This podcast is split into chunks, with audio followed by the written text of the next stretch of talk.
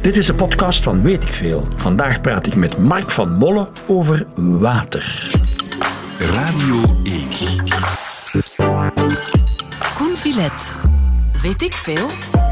Deze weet ik veel gaat over het thema water. Ik denk dat ze in West-Vlaanderen hun oren gaan spitsen. Is, er, is daar nog een beperking op het water? Uh, ik dacht dat ze de beperking opgegeven hadden. Dat het opgegeven was ondertussen, ja. ja. U hoort de stem van Mark van Molle, beste luisteraar. Mark van Molle is uh, geograaf, hoogleraar geweest. U bent emeritus geweest, met, ja, met rust ondertussen aan de VUB in Brussel.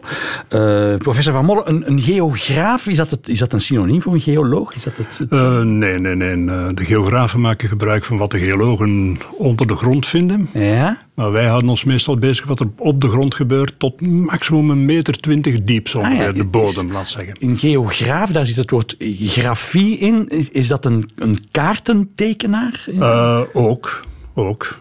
We kunnen kaarten tekenen, maar dat kunnen geologen ook. Dat kunnen geologen ook, ja. oké. En uw specialiteit is dus water. Al goed, want daar wil ik het een uur lang met u over hebben. Wat drinkt u? Ik drink water, hè. Oké, okay, goed. Nu toch. Oh, spuitwater. Weet ik veel. Radio 1. Als er ooit buitenaardsen naar de aarde komen, gaan ze heel hard moeten opletten om niet met hun uh, ruimtetuig in het water terecht te komen. Want het grootste deel van onze blauwe planeet is bedekt met water. Uh, Mark van Molle, geograaf van de VUB. Hoeveel procent van de aarde is bedekt met water? Oh, 70 procent zeker. 70 procent, ja. En dat is een uitzondering in het heelal, hè? Ja, de anderen zitten een beetje te kort bij de zon. Dan verdampt het te snel. Of, ja. zijn een beetje te ver van de zon en dan bevriest het allemaal. Dus ja. uh, wij zitten ideaal. En is dat stabiel, dat, de hoeveelheid water op uh, Ja, mocht rekenen toch een kleine 3 miljard jaar dat er nauwelijks iets verandert in uh, hoeveelheid water aan de, op de aarde. Waar komt dat water historisch vandaan? Historisch in geologische termen? wel hoofdzakelijk door het magma dat aan de aardoppervlakte komt en uiteindelijk ja, het water vrijgeeft als het ware. Dat is de voornaamste bron van water aan de oppervlakte van de aarde. Magma geeft water vrij? Ja, ja er zit heel veel water in magma's. Uh, dus, en dat gaat vrijkomen als het aan de oppervlakte komt. Maar ma magma is, is, is gloeiend heet. Ah ja, dat komt dan in dampvorm? Ah, ja, dat komt in dampvorm vrij. Oké, okay, uh, dat vormt wolken. Dat het en dergelijke meer. Dus ja, de watercyclus herinner ik mij nog van, ik denk zelfs van de lagere school. Uh, dat is ja, toch wel. Hè. ja. Nu, het probleem met het water is dat je twee soorten water hebt zoutwater en zoetwater. Ja. De overgrote meerderheid van het water op aarde is uh, oceaanwater. Ja, we hebben spijtig genoeg maar een kleine 3% zoetwater. 3%? 3%? Is dat de verhouding? Dat is de verhouding, ja. ja. Ik dacht dat het, uh, dat het evenwichtiger zou zijn. Nee, nee, toch niet hoor. En uh, het, is nog een beetje, het wordt nog wat moeilijker voor ons. want van die kleine 3% hebben we nog maar een, zelfs geen 0,3% direct, direct beschikbaar. In rivieren of in meren bijvoorbeeld. Hè, waar je gewoon even een potje water kan uitscheppen of zo. En waar zit de rest dan? Oh, de rest zit in gletsjers.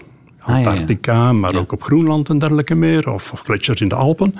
En het grootste gedeelte van al het water zit gewoon in grondwater.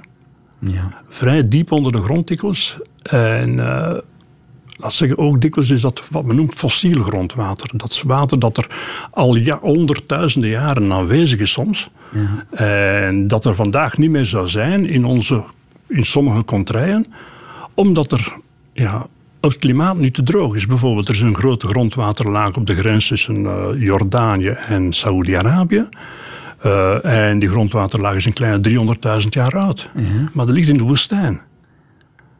Als we die vandaag gaan exploiteren, en dat doet men, dat gaat men doen, ja, dan onttrekt men in feite fossiele, fossiel water aan de grond.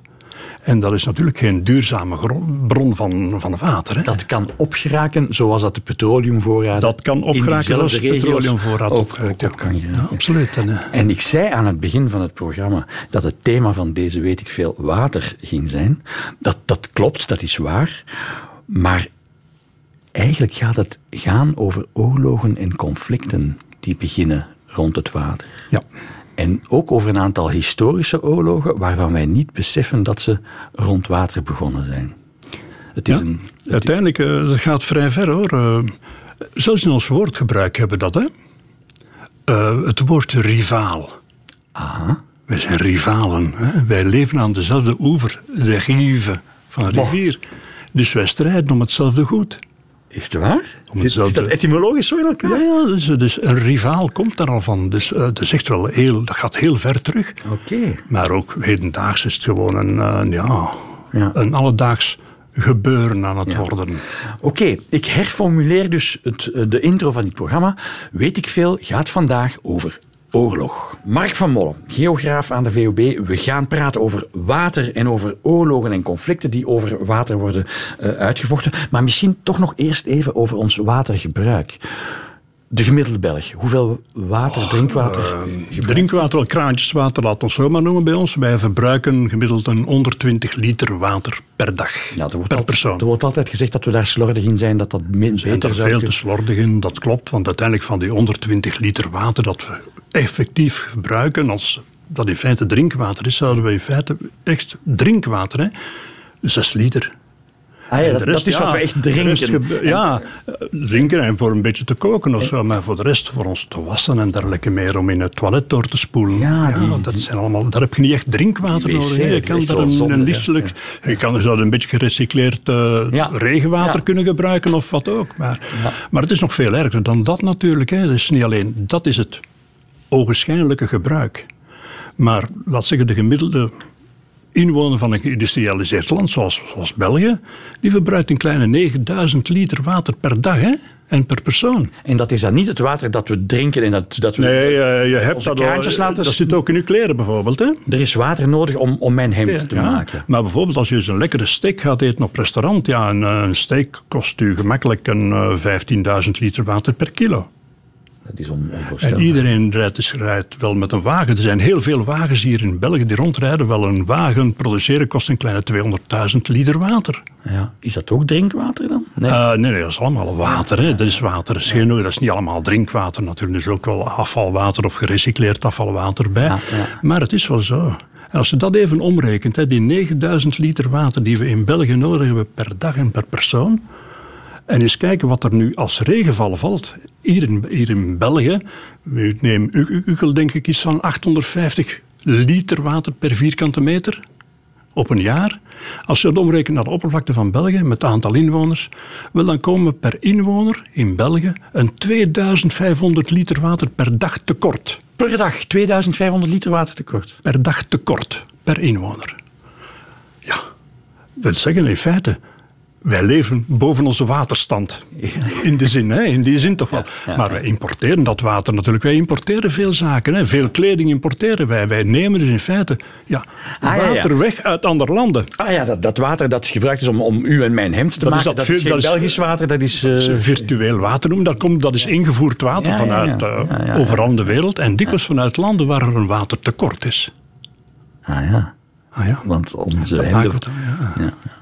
Dat En- maakt de zaak alleen maar wat erger. Hè? En doen wij Belgen het gemiddeld dan goed of slecht met die 9000 liter per... Eh, wel, Laat wij doen het, wel- voor geïndustrialiseerde landen doen wij het eh, juist zoals allemaal de rest. Ah, ja, ja, eh, ja. dat is geen probleem. Maar qua, laat zeggen, kraantjeswaterconsumptie van 120 liter, dan doen we het vrij goed hoor.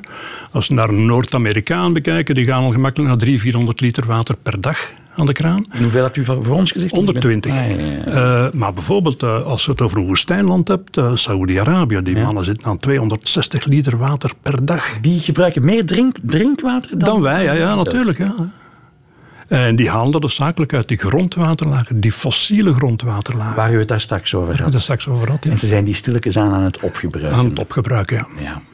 Ehm, we, we moeten naar die conflicten over water. Ja. O- conflicten over water ontstaan als rivieren door verschillende landen stromen. En dat doen ze al gauw. Hè?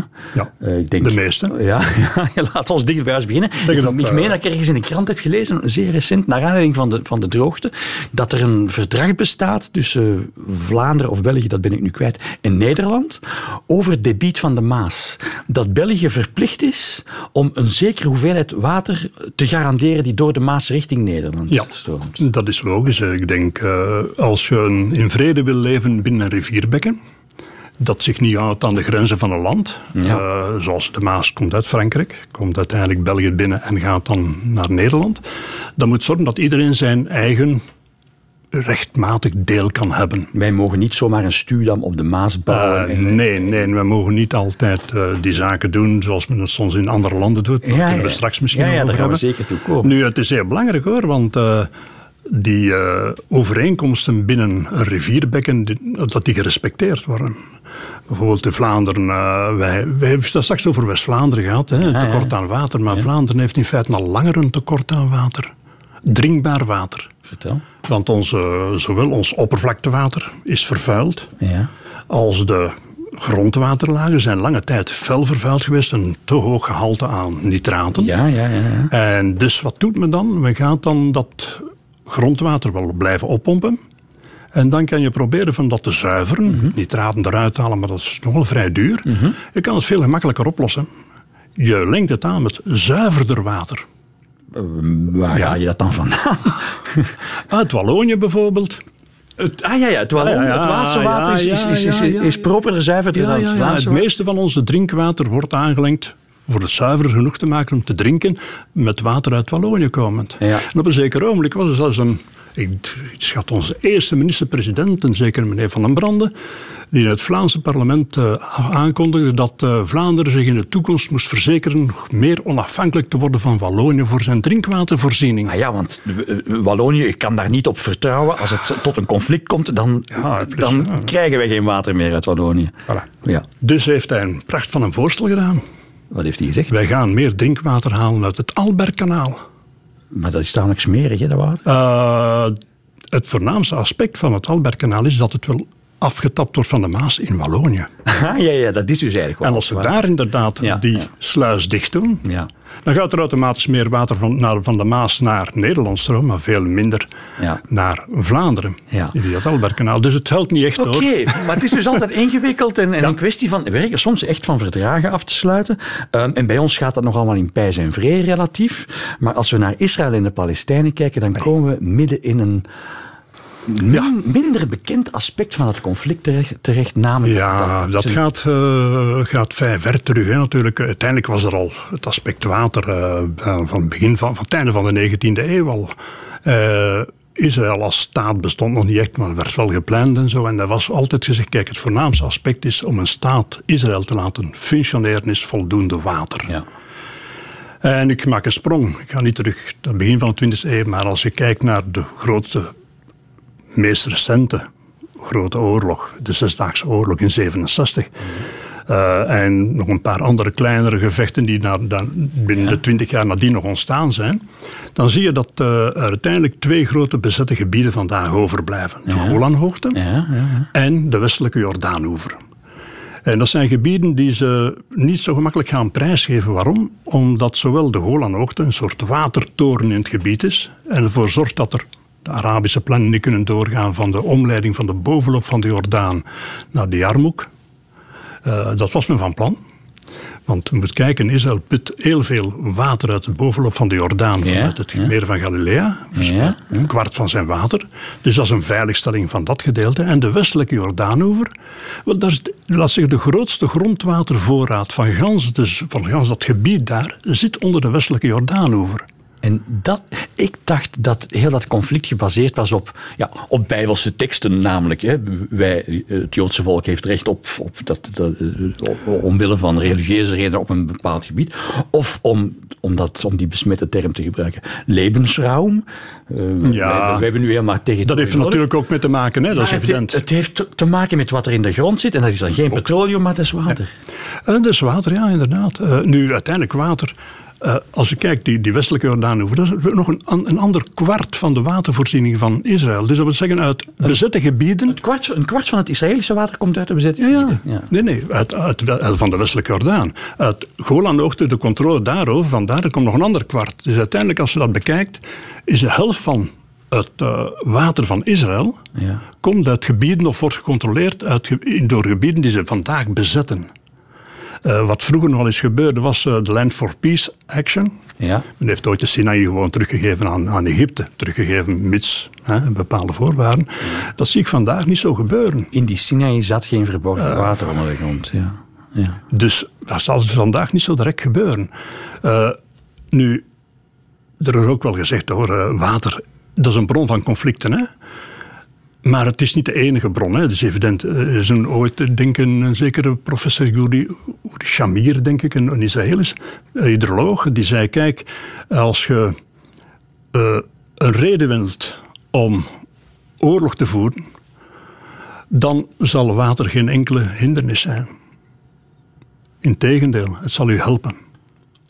Om oorlog, oorlog te voeren. Ja. Maar het is gewoon je hoeft geen water te hebben om oorlog, geen waterconflict te hebben om, om oorlog te voeren. Maar het helpt wel om het te promoten, laat zeggen, vooruit te brengen.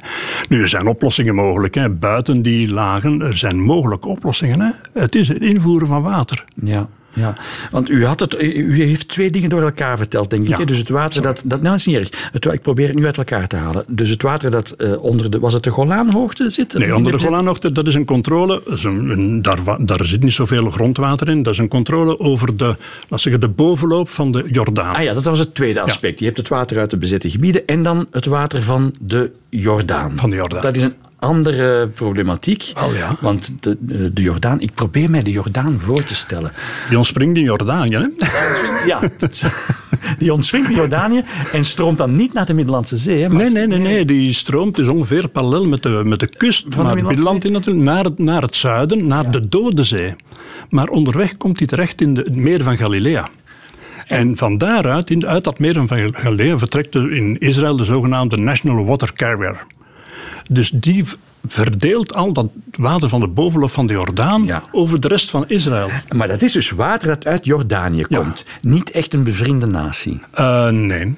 Nee, dat is het minste wat men kan zeggen. Hè. Ja. Maar er zijn ook oorlogen gevoerd. Men heeft ook grote delen van het zuiden van uh, Jordanië bezet gehouden. Ook vandaag is er nog altijd een controle over dat zuidelijke gedeelte. Met uh, de, de rivieren Hasbani bijvoorbeeld. Hè. En waar men bijvoorbeeld ook geprobeerd heeft een aftakking te maken Albanië bovenloop van de Jordaan, een aftakking te maken naar de Litani-rivier, die dan wel rechtstreeks in de Middellandse Zee uitmondt, op Jordaans grondgebied. Maar dat zou willen zeggen dat er minder water komt in meer van Galilea. Ja, ja, ja. Dat is een probleempje. En zoals dat straks zei, men heeft ook getracht op Syrisch grondgebied een omleiding te maken via een, ja, een, een kanaal van de bovenloop van de Jordaan naar de Jarmouk, een rivier op de grens tussen Syrië en, uh, Jordanië natuurlijk, eh, van Libanon. Ja, ja. En om dat tegen te houden, dat is in feite de start geweest van de eerste grote oorlog in 67. Die plannen. Die Zesdaagse Oorlog. Ja. En het is ook een soort van domino-effect. Je begint in Israël en dan kom je op de bezette gebieden terecht. Je komt in Jordanië terecht. Jordanië grenst dan, uh, wat zei je daar net, aan Syrië. Syrië, Het is echt een... een, een, een ja, het gaat verder hoor. Ik vermoedde het al, ja. Zo, Veel verder, ja, natuurlijk. natuurlijk. domino-conflicten. Want, hoe gaat het verder? Uh, hoe gaat het verder? Wel, uh, een, een oplossing werd ooit aangeboden door Turkije. Voor het watertekort voor Israël. Uh, vandaag trouwens heeft Israël veel water uit Turkije. Hè? Dat wordt getransporteerd in tankschepen via de ah, Nederlandse ja, Zee. Ze, liggen ver uit elkaar, maar toch. Ja. Oh, ja. Maar uh, uh, Turkije heeft een, een mooi voorstel gemaakt, namelijk een soort pipeline for peace noemen ze het. het gaan water brengen uit Turkije naar Jordanië, naar Syrië, naar Israël, naar Libanon, noem maar op. Uh, overal, wie er maar wil, krijgt het allemaal. maar van waar komt het? Ja, dat is net de vraag. Heeft Turkije water op overschot? Uh, wel, in zekere zin wel. In de zin dat, uh, als we, dat ze op dit ogenblik een kleine 22 stuurdammen gebouwd hebben op de bovenloop van Tigris en Eufraat. Ja. En dat zijn nu juist de twee grote rivieren. Je kent het klassieke twee-stromenland Mesopotamië, dat uiteindelijk uh, de twee rivieren die verantwoordelijk zijn voor water of water leveren aan Syrië. En Irak. Aan Irak. Ja, ja. Uh, hetgeen natuurlijk wel raar is natuurlijk. Hè. Men gaat eerst het water stoppen in Turkije, mm -hmm. Zuidoost-Anatolië, gaat het water stoppen in die, van die bovenloop van die rivier. En dan gaat men het via de pipeline for peace aan dezelfde landen terugverkopen. Het is een, eh, een raar ding, maar ja, het is wel zo. Die stuwen zijn er. Ja, en al die landen houden elkaar in het oog. Wie bouwt ah, waar? Ja, ja, ja wie dat zijn gevaarlijke toestanden. Een, een stuur dan. Ja, ja dat is gevaarlijk. En dat, dat is nog gevaarlijker, ook voor Turkije. Het verklaart misschien ook een beetje de, de toestand vandaag van, uh, laat zeggen, terughoudendheid van Turkije om in die coalitie tegen IS uh, echt de kant van de Koerden te kiezen. Want als u even kijkt waar, dat, waar die stuwen liggen, ja. ja, dat is gewoon het vroegere Koerdistan. Dat is het ganse gebied van de Koerden. Dus, dat gebied mag niet autonoom worden, want dan, autonoom, dan is natuurlijk. Turkije de controle over die stuwdammen kwijt. Over de stuurdam kwijt, over het, over het water kwijt in de regio. Of hoe water inderdaad een belangrijk element is in heel die, in dat geopolitieke kluwen. We zaten in het Midden-Oosten daarnet Ja. en met al die rivieren die door verschillende landen lopen en die landen bouwen dan stuwdammen en de andere landen zijn daar ontevreden over en daar dreigen dan oorlogen over of daar zijn al oorlogen over uitgevochten. Eh, Maar terwijl ze daar een aantal zeeën hebben, dat is weliswaar zoutwater, maar dat water van de Middellandse Zee, kan je dat niet oppompen en op een of andere manier daar drinkbaar water van maken? Eh, in feite is dat geen enkel probleem. Hè. Ah, kijk, voilà, opgelost. Opgelost, opgelost. Het probleem is bij de klassieke ontziltingsmethode dat er een beetje energie voor nodig is. Een beetje heel veel. Hè. Dat wil toch zeggen dat het Enorm duur- veel. duur is, ja. En die moet je natuurlijk wel ter beschikking hebben, die hoeveelheid energie. Hoe maak je van zoutwater? Eh, wel, er is er toch wel eh, enkele jaren terug al een eh, nieuwe technologie eh, tot stand gekomen die het mogelijk maakt om met veel minder energie dat zoutwater te ontzilten. Wat was, waar, ze- vertel eens wat de oude... Eh, Wel, de, oude methode is heel eenvoudig. Gekookt water, zoals thuis. Ja. En je vangt het, eh, de, de waterdamp op. Je laat hem terug condenseren en je hebt Mhm. Ontzild water. Heel simpel, alleen moet je simpel. het water aan de kook krijgen. En, elkaar, ja, en ja. dat vraagt veel energie. De nieuwere methode eh, vergt geen koken meer van dat water. Men gaat in feite wat men noemt, men gaat het water doorheen een, een filter persen. Men noemt dat een osmotische filter, een soort omgekeerde osmose gaat men ter werk stellen. Wat, wat betekent dat in feite? Dat is heel eenvoudig. Dat is een filter met een opening die zo klein is dat er wel de watermoleculen doorgaan, maar niet de zoutmoleculen of zo door. Ah, een, een zoutmolecuul is groter dan een Ja, watermolecuul. dus uiteindelijk, wat gebeurt er dan? Dus als je dat er kan doorpersen, want dan heb je daar enorm veel druk voor nodig. Want dat is niet zomaar even eh, een, een filtertje. Dat is echt een heel nauwelijks zichtbare opening. hè. Dus je hebt heel veel druk nodig. maar dat vraagt toch wat minder energie. En daar had men dan toch al in, in Israël al lange tijd een idee over dat men dat kon gebruiken. Uiteindelijk gingen we het water putten uit, was het plan. Men ging het water putten uit de Middellandse Zee. Men bracht het over de westelijke Jordaanoever, tot een hoogte van een goede 200 meter. En men laat het naar beneden vallen naar de Dode Zee. En dat is min 400 meter. En door het hoogteverschil heb je Dan heb je terug. 600 meter valhoogte. Ja. Dat is een enorme kolom van water met heel veel druk. Daarmee kan je gerust dat water door die eh, osmotische filters stuwen. En je hebt zelfs nog voldoende energie over om het andere water, om verder water op te pompen uit de Ah, Middellandse. Zee. Het is een soort Oh, bijna perpetuum mobile. Maar ze hebben het niet uitgevoerd, het Nee, plan. dat is een klein probleempje natuurlijk. Hè, want die, die gaat dan, die waterleiding of waterkanaal, deels tunnels ook, die gaat dan over een heel kwetsbare grondwaterlaag. Die grondwaterlaag waar Israël eh, zijn kwart van zijn water uitput. En stel je voor dat daar een lek in komt. Dan is dat grondwater volledig gepollueerd Met zoutzeewater. met zoutzeewater. Dat risico hebben ze niet. Dat nee. risico gaat men niet nemen, maar, maar, maar er zijn NGO's aan het werk gegaan met het idee. En eh, ik vind het een schitterend idee hoor. Eh, men gaat geen met Mediterraan, det, Dode Zee tunnel meer maken. Men gaat een red van de Rode Zee naar de Dode Zee, red, det tunnel maken. Vanuit de Golf van Aqaba. Men volgt mooi die laaggelegen zone, ook over een kleine kol van 200 meter hoog. En men laat terugvallen. Het grote voordeel is dat je het samen zal moeten doen met uw concurrenten. Samen met de Palestijnen, Israël en, de, en Libanon. Ah, ja, ja. Men gaat het samen moeten doen. En dat zijn erfvijanden van elkaar. Ja, maar als dat de oplossing kan zijn. En men heeft ook een prijs van laten berekenen van die oplossing. En die komt op een kleine 5 miljard euro. is veel, ja, maar is veel minder duur dan gelijk welke oorlog, hè? Als dat nu eens de oplossing zou kunnen zijn voor gans het conflict in de regio. Ja, uw oogjes blinken. Ja, echt, echt, dat is echt fantastisch. Hè? We hebben het over het Midden-Oosten gehad. Ja. Eh, je zou kunnen gaan denken dat het probleem zich alleen daar eh, situeert. Het probleem situeert zich ook in West-Vlaanderen, zoals Peter de Roo ons heeft laten weten. En in China. Ja, ja, maar Daar over- overal in de wereld. Ja, maar laten we het even over China hebben als u wil. Ja, dat is geen probleem. Ja. Omdat ik begrepen heb dat bijvoorbeeld de Gele rivier de helft van het jaar droog staat. Droog niet. Hè.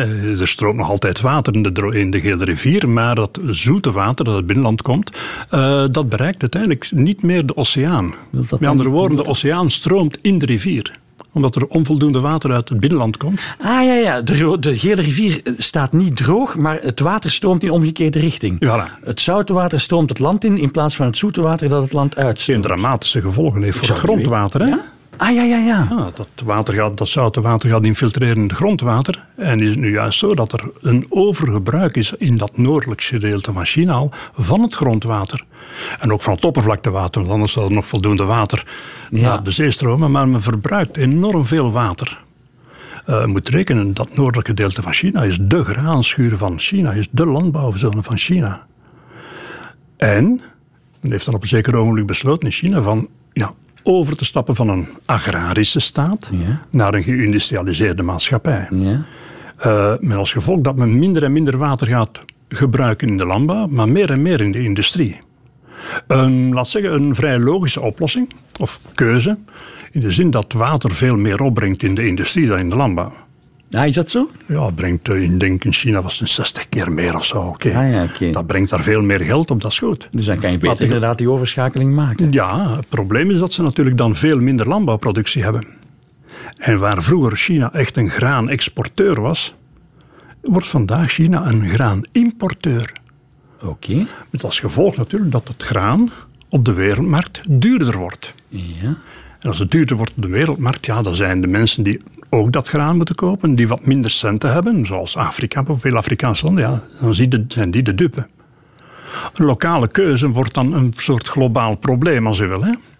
Ja, ja, ja, dat is niet evident. Nu, China heeft ook nog andere oplossingen. Ze proberen ook water te brengen uit de meer vochtige delen van China. In het noorden van China regent het wat minder, maar in het zuiden van China, zowel Zuidoost als Zuidwest, Himalayas en dergelijke meer, daar regent het voldoende. En men gaat dus proberen water over te brengen van het zuiden naar het noorden.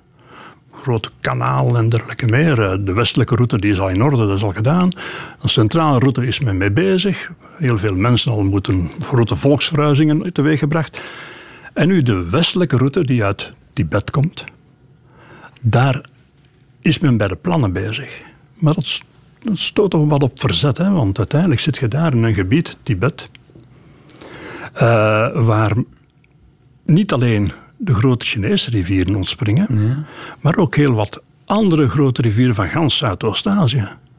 We hebben ook de, Brahma, de Indus, de, de, de Brahmaputra, u heeft de Mekong en dergelijke meer. De grootste rivieren van gans Zuidoost-Azië ontspringen in gans die regio. En wil dat dan zeggen dat de Chinese waterplannen in de Himalaya de bevloeiing van India ja, absoluut, en zo verder bedreigen? Uh, ja, en dan kom je in het scenario van het Midden-Oosten terecht van daarnet, dat de, landen elkaar in het oog houden en eventueel bereid zijn om oorlogen uit te voeren die beginnen bij een waterprobleem. Ja. Ik denk dat dat een heel groot risico inhoudt. Ja. Absoluut. En zeker als we zien dat uh, ook in die ganse Himalaya de, de klimaatsverandering er zal voor zorgen dat er minder en minder water uh, zal beschikbaar zijn, zeker in het droge seizoen. Minder en minder gletsjers. Dus minder en minder smeltwater tijdens het droge seizoen. De rivieren gaan komen droog te staan. Ja. Ja, ja je zit met het fenomeen dat als je oorzaken van conflicten begint eh, uit te puzzelen, dat je dan vaak bij water uitkomt. Ik heb ook al wel eens horen vertellen dat het, het hele probleem dat we in Syrië hebben, wat op wat middellange termijn een gevolg is van de Arabische lente, dat dat, dat, dat in C ook een watergerelateerd conflict. Het is gerelateerd. Dus de oorzaak, de oorzaak is geen water, maar... Maar het is ontspoord door de droogte die er was eh, door jaren... Kan, twee, kan u dat uitleggen? Wat wel, 2006, 2011 ongeveer was in die, in die regio, zoals het nu weer is, een, een heel extreem grote droogte. De grootste droogteperiode van de laatste 500 jaar was toen dat gebied. En op het platteland in Syrië zijn de landbouwproducties zo sterk geslonken dat uiteindelijk er nauwelijks nog productie was. En is er een, is er een kleine lokale volksbeweging ja, in gang gekomen. Een, een, een ja, een, een, verhuizing, een, verhuizing, een volksverhuizing van het platteland naar de steden. Een kleine 2 miljoen mensen zijn zich naar de steden gaan vestigen. Vanuit het platteland. Omwille van de droogte, ja. Hetgeen juist samenvallend met de onrusten rond uh, ja, de Arabische lente uh, ervoor zorgt dat het gaan ontsporen is. Er zit ook, er zit ook een, een, een, ding aan dat er natuurlijk een verschil is tussen twee bevolkingsgroepen, ja, Shiiten en Soenieten, die daarbij zitten. Maar ook op het platteland is dat zo. Ja. En dat heeft de druk gewoon verhoogd en heeft laten ontsporen. Omdat er een economisch probleem ontstond door het water, is dat een politieke, religieuze probleem? Uh, iets gelijkaardigs ontstaan in, is er gebeurd ook in, uh, in Egypte. Hoor. Dus, uh, men heeft gewoon het irrigatiewater willen duurder maken en dat is ook een opstand gekomen. Is ook een, heeft ook de zaken wat laten ontsporen in Egypte. Maar alle oorlogen hebben met water te maken. wel, het is niet onbelangrijk. Hè? Ja, ja. Jij, kan, jij nog ik je, kunnen leven, niet leven zonder water. Als je de geschiedenis met een geografenbril bekijkt, dan kom je bij water uit. ja. Uh, professor Van Molle, ik heb het voorbije uur toch wel vastgesteld dat we bewust moeten omgaan met water. Dat er uh, ja. zelfs, ja, je kan voorspellen dat er conflicten gaan ontstaan over water. Ik ga straks naar huis. Wat kan ik doen om mijn persoonlijke watergebruik te beperken? En tot, uh... oh, ik kan veel doen. Je ja? kan heel veel doen. Uh, je zou kunnen zeggen, ik ga wat minder wijn drinken of zo, maar ik, ik wil u dat echt niet aandoen. Uh, dus, uh, maar je zou kunnen denken, waarom niet wat minder vlees eten bijvoorbeeld? Ah, ik, ik eet geen vlees, ik ben vegetariër. Fantastisch, dan ben je al op goede weg. Is het waar? want we hadden het straks over die 9000 liter water. In feite onze watervoetafdruk. Hè. Voor 54% bestaat het uit vlees. Hè. Bent u zelf ook vegetariër? Nee. nee. Uh, maar ik doe mijn best. Ik zit aan uh, twee, twee dagen per week toch al. Dat u vegetarisch eet? Ja, ja, ja. ja, ja toch wel. Goed toch wel, toch wel. Ik ben uh, bewust mee bezig. Ik zit aan zeven dagen per week. Fantastisch. Dat, is echt een, wel, dat, dat, dat, dat, vermindert in feite uw watervoetafdruk al met 50%. Is het waar? Ah, dat is ongelooflijk. Ja, ja, goed, goed leven mezelf. Ja, wat kan ik verder nog doen? Oh, je kan natuurlijk zuinig omspringen op allerhande manieren met water, dat is evident. Ja. Maar het, het, beste dat je kan doen is inderdaad bewust leven. En ja, uh, het wordt dan misschien wel wat persoonlijker. Heb jij kinderen? Ja, drie. Drie, dat is wat veel, hè? Te laat.